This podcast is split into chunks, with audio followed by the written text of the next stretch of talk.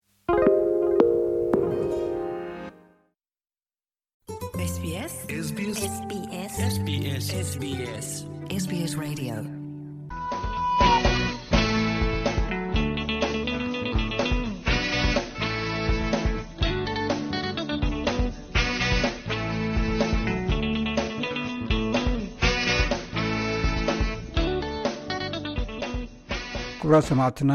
ኣብ ኣውስትራልያ ፋይናንስያዊ ዓመት ዝበሃል ካብ ወርሒ ሓምለ ክሳብ መወዳእታ ወርሒ ሰነ እዩ ካብ ወርሒ ሓምለ ኣትሒዙ ድማ ነብሲ ወከብ ሰብ ክኸፍሎ ዝፀንሐ ግብሪ ዘዋራርደሉ ምስ ታክስ ኦፊስ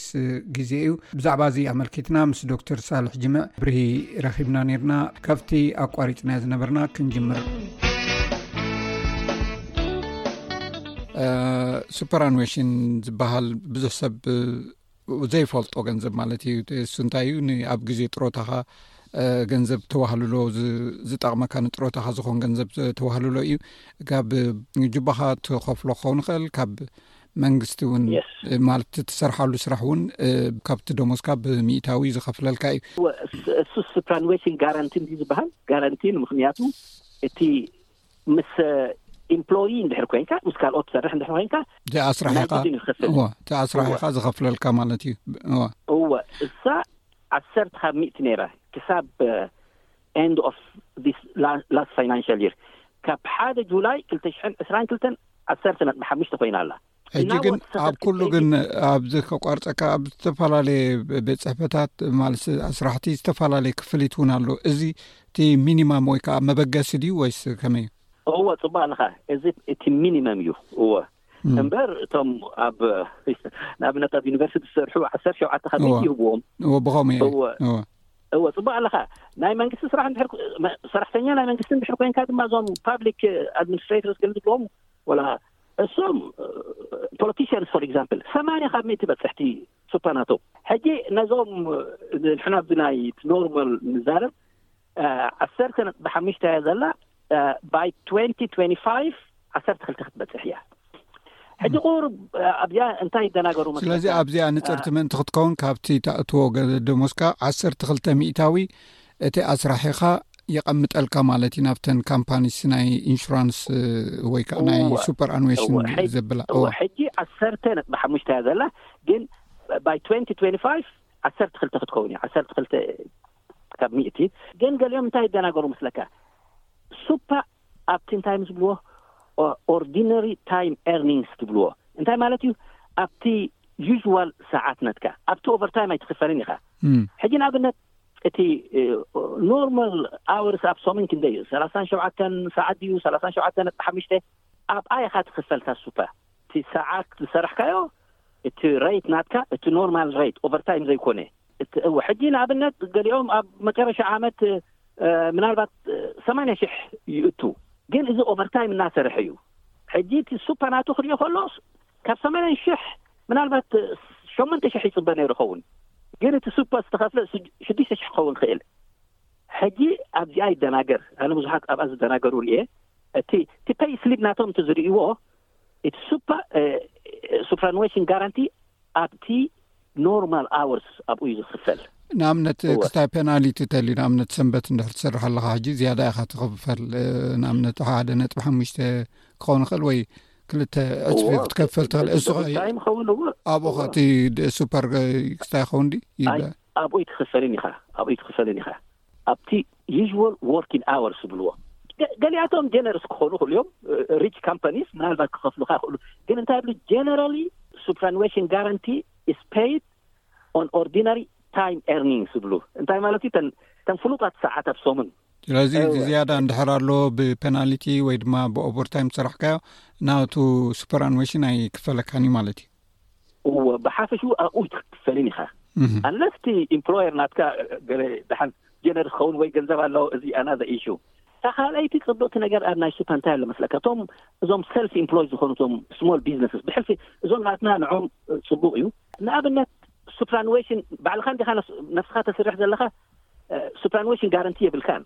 ግን እወ ግን ባዕልኻ ሱፓ ክትከፍል ትኽእል ኢኻ ካብቲ ቢዝነስ ናትካ ሱፓ ትኸፍል ሕጂ ንኣብነት ለሰይ ሓደ ቢዝነስ ወይ ታክሲ ድራይቨር ማለት ታክሲ ዘለዎ ከም ኣብነት ተወሲድካዮ እስኪ ከመይ ሕጂ እንታይ ክገብር ዘሎ ኩሎም ፅቡቅ ኣለካ እዞም ሶል ትሬደርስ ዝበሃሉ እቶም ብኤይቢኤን ዝሰርሑ በዓል ዩኣር ሰልፍ ኢምፕሎይድ ሕጂ ሱፓ ዝኸፍለልካ የለን ኣብዚኣ እንታይ ክትገብር ትኽእል ባዕልኻ ክትከፍል ትኽእል ንነፍስኻ ሕጂ ንኣብነት እቲ ብሕልፊ ትጥቕሚ ኣበይ ኣሎ መስለካ Let's say ሓደ ቢዝነስ ከምዚ ንእሽተይ ቢዝነስ ጉል ኣብ ዓመት ሰብዓ ሽሕ ኔት ኢንካም ገይሩ እወ እቲ ኩሉ ቢዝነስስ ናቱ እቲ ኩሉ ውፅኢት ከፊሉ ሰራሕተኛታት እንተለዎ ንሰራሕተኛታት ከፊሉ ሰብዓ ሽሕ እንድሕር ገይሩ ኣብዛ ሰብዓ ሽሕ ታክስ ክንደይ ይኸፍል መስለካ ማዕረ ዓሰርተ ሓሙሽተ ሽሕ ክኸፍል እዩ እወ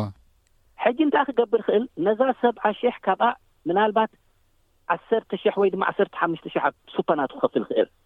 ሕጂ እቲ እቲ ውጽኢት ና- እቲ ነት ኢንካም ናቱ ካብ ሰብዓ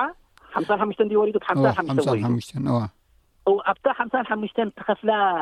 እንታይ ኢኻ ትብላ ታክስ ካብ ዓሰርተ ሓሙሽተ ናብ ዓሰርተ ሓደ ክትወርድ ትኽእል ሕጂ በዚኣ ኣርባዕተ ሽሕ ለስ ታክስ ትኸፍል ኣለካ ስለዚ ብሓፈሻ ሱፐር ኣንዌሽን ዝኽፈለልካ ግብሪ ዝኽፈ ዘብል ድሕሪ እቲ ሱፐር ኣንዌሽን ምስ ተቆርፀ እዩ ንኣብነት እንታይ ዝብ ዘለኹ ሚእቲ ሽሕ እንድሕር ኣታዊ ኣለዉ ሓደ ሰብ ካብቲ ጅቡኡ እንድሕር ዘይከፊሉ ንሱፐር ኣንዌሽን ካብ ሚእቲ ሽሕ ግብሪ ዝኽፈሎ ዕስራ ሽሕ ካብተን ሚእቲ ሽሕ እንድሕር ንሱፐር ኣንዌሽን ኢሉ ኣቐሚጥዎን ግን ናይ ሚእቲ ሽሕ ዘይኮነ ግብሪ ዝቑረፀሉ ናይ ሰማንያ ሽሕ እዩ እየ ዝብ ዘሎ እወእወ እንታይ እዮም ዝብሉ ሱፕራንዌሽን ፐይድ ባይ አ ቢዝነስ ኢስ ታክስ ዲዳክትብል ይብሉ እዚ ድማ ብጣዕሚ ኣድላይ እዩ ነቶም ብነፍሶም ዝሰርሑ ዘለዉ ብሓደ ወገን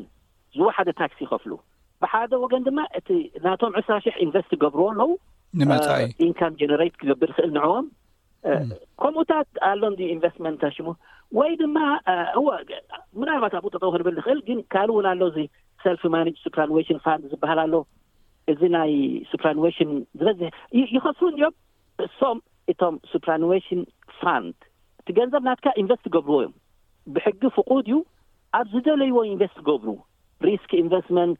ይኹን ሕጂ ከሲሮም እንዲዮም ኣብዛ ዝሓለፈት ወርሒ ወለ ገለ ሕጂ ኣብዚ ፅቡቕቲ ነጥቢ እንዲካ ምፅኻ እስኻ ኣሚንካ ንሓደ ካምፓኒ ኢኻ ትህባ ዘለካ ከተቐምጠልካ ኣብ ርእሲ ድማ ኢንቨስት ገይሮም ድማ ገለ ኣታዊ ከምፅኡልካ በብዓመቱ ኢካ ተብሎም እቲ ሪስክ ማለት ሰሙን ባዕሎም ይብልዎ እንድም ድሕር ከሲሮም ከም ዘጋጠመ ሕጂ ዝሓለፈ ወርሒ ማለት እዩ ካብ ቁፅፅር ወፃኢ ነቲ ውልቀ ሰብ ማለት እዩ ኣብዚ እንታይ ክገብር ዝግብኦ ምናልባት እዎ ሕጂ ፅብቅ ሓንቲ ነገር እንታይ ኣ እዚ ሰልፍ ማነጅድ ሱፐርኒሽን ፋንድ ዝበሃል እቲ ገንዘብ ናትካ ኩሉ ተውፅኦ ትኽእል ዲኻ? ሚእቲ ሽሕ ኣለካ በል ትኽእል ወዲ እዚ ዲኻ? ናይ ሱፓ ገንዘብካ ከተውጽኦ ትኽእል ዲኻ እሞ? ሕጂ እወ እንድሕር ኢንቨስት ክትገብሮ ደሊኻ ባዕልኻ እወ ተውጽኦ ትኽእል ኢኻ እዚ ድማ እ፣ ከምዚ ትራስት ሰት ኣፕ ትገብር ትራስት ትበሃል ወይ ካምፓኒ ክኸውን ይኽእል ሕጂ ሚእቲ ሽሕ ባ- ንበይና ብዙሕ ኣ- ኣይተክስበካን እዩ እ፣ እዝና ኮሚኒቲ ናትና ገና ብሓንሳብ ናይ ስራሕ ገለመለ ብዙሕ እ፣ ልምዲ ስለ ዘይብልና እምበር ከምዚ ዓሰርተ ሰባት ብሓንሳብ ኮይኖም let's say everyone invests like fifty thousand ብዙሕ እውን ሪስክ ክትወስድ ኣይትደልን መምክን fifty ኣብታ super body ኣብታ ናትካ superannuation body ኣብኣ ትሓድጋ ሓምሳ ሽሕ ዓሰርተ ሰባት እንድሕር ኣለዉ ዓብዪ ገንዘብ እዩ ማለት እዩ እዚ ሕጂ ንስኻ ኣብ እዞም ዲቨሎፕመንት ዝገብሩ ዘለዉ መሬት መሬት ክንደቕ እወ ምስኦም ኢንቨስት ትገብር ኣብኡ ብዙሕ መክሰብ ኣሎ ኣብዚ ገዛውቲ ምስራሕ ሪል ኢስ- እወ እ። ከምኡታት ምግባር ጽቡቕ እዩ ግን ከምቲ ዝረኣኻዮ ንሕና ኣ- ኣብዚ ኣብዚታት ብዙሕ ኣይንሓስብን ኢና ሕጂ እ፣ እሱ እዩ እቲ ሱፓ ሱቕ ኢልካ እንድሕር ሓዲግካዮ ክትከስር ትኽእል ኢኻ